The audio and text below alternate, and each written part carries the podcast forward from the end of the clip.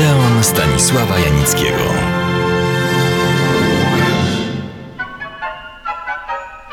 W szacownych uczelniach filmowych, w podrzędnych szkołach, czy też na skromniutkich kursach scenariuszowych pada w pewnym momencie określenie 24 klasyczne dramaturgiczne zasady hollywoodzkie.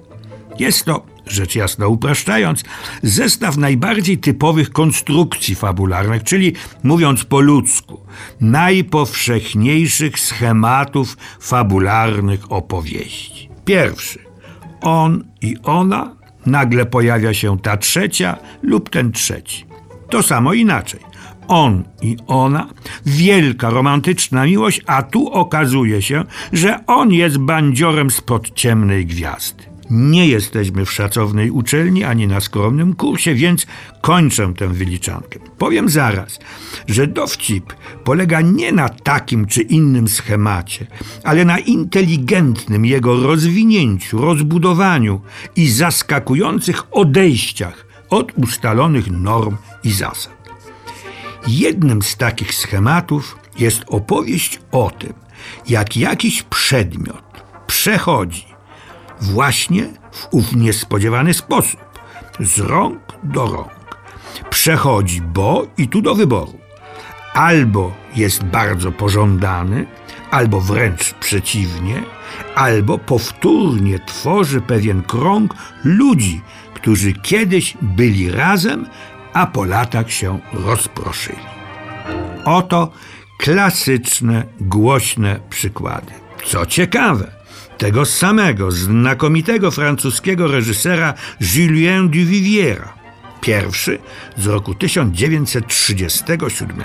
Nosi tytuł Jej pierwszy bal, główna nagroda na festiwalu w Wenecji. Piękna wdowa, porządkując rzeczy po zmarłym niedawno mężu, znajduje karnet balowy sprzed wielu lat i postanawia odnaleźć tych, którzy są w nim wpisani cudowny pretekst do podróży w czasie, podróży sentymentalnej, nostalgicznej, ale i bardzo ekscytującej. Ten sam Julien Duvivier nakręcił pięć lat później w Hollywood film oparty na podobnym schemacie. Dzieje jednego fraka. Tylko, że ten tytułowy frak jest przeklęty i każdego, kto go będzie nosić, spotka straszliwe nieszczęście. Pierwszym, który ten schemat zastosował, był jeden z największych filmowców świata, zresztą też Francuz, René Clair. W latach dwudziestych robił rewelacyjne filmy awangardowe i jednocześnie równie rewelacyjne komedie. Kiedy nastał dźwięk, tylko chwilę się zawahał i natychmiast podjął to wyzwanie. W roku 1930 rozpoczął w Europie erę kina dźwiękowego filmem pod dachami Paryża.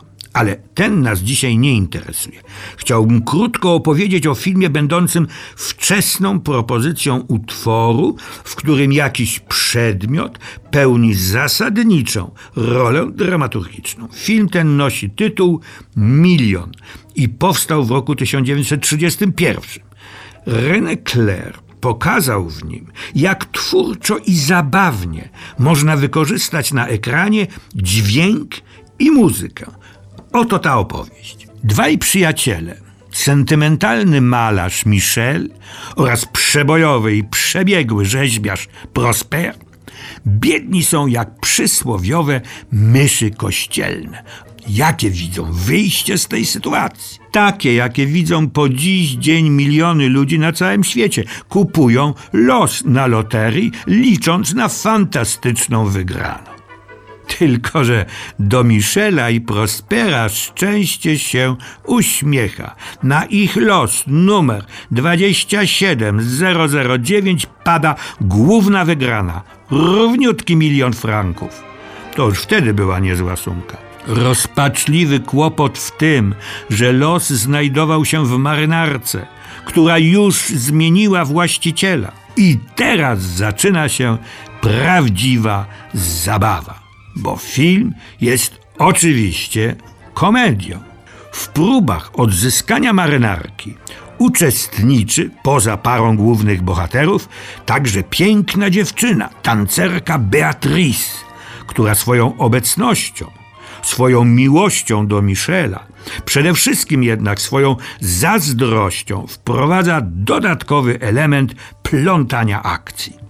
Jest też uwodzicielska, pozbawiona skrupułów Wanda oraz szef bandy złodziei zwany ojcem tulipanem, a także niezbędni w takiej opowieści policjanci wraz z całą armią zwykłych Paryżan. Wśród nich właściciel taksówki, który nie może wyegzekwować zapłaty za trwający cały dzień kurs po mieście.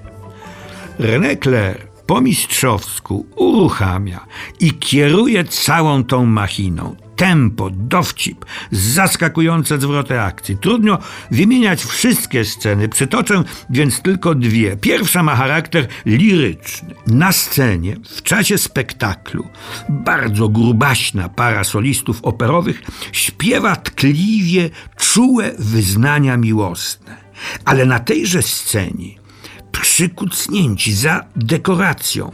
Nie zdążyli uciec, zanim kurtyna się podniosła. Są naprawdę zakochani. Michel i Beatrice. Niemiłosiernie się kłócili, lecz chcą się pojednać i wyznać sobie ostatecznie miłość. Nie mogą oczywiście nawet szeptem powiedzieć słowa, wszak trwa przedstawienie, ale słowa śpiewane przez operową parę oddają dokładnie stan ich uczuć. I druga scena.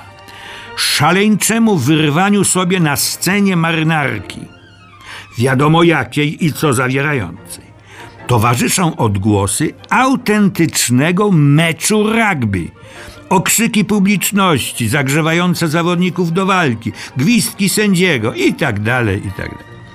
W końcu los trafia oczywiście do właściwych rąk Michela i Prospera, a miłość i solidarność dobrych ludzi triumfuje.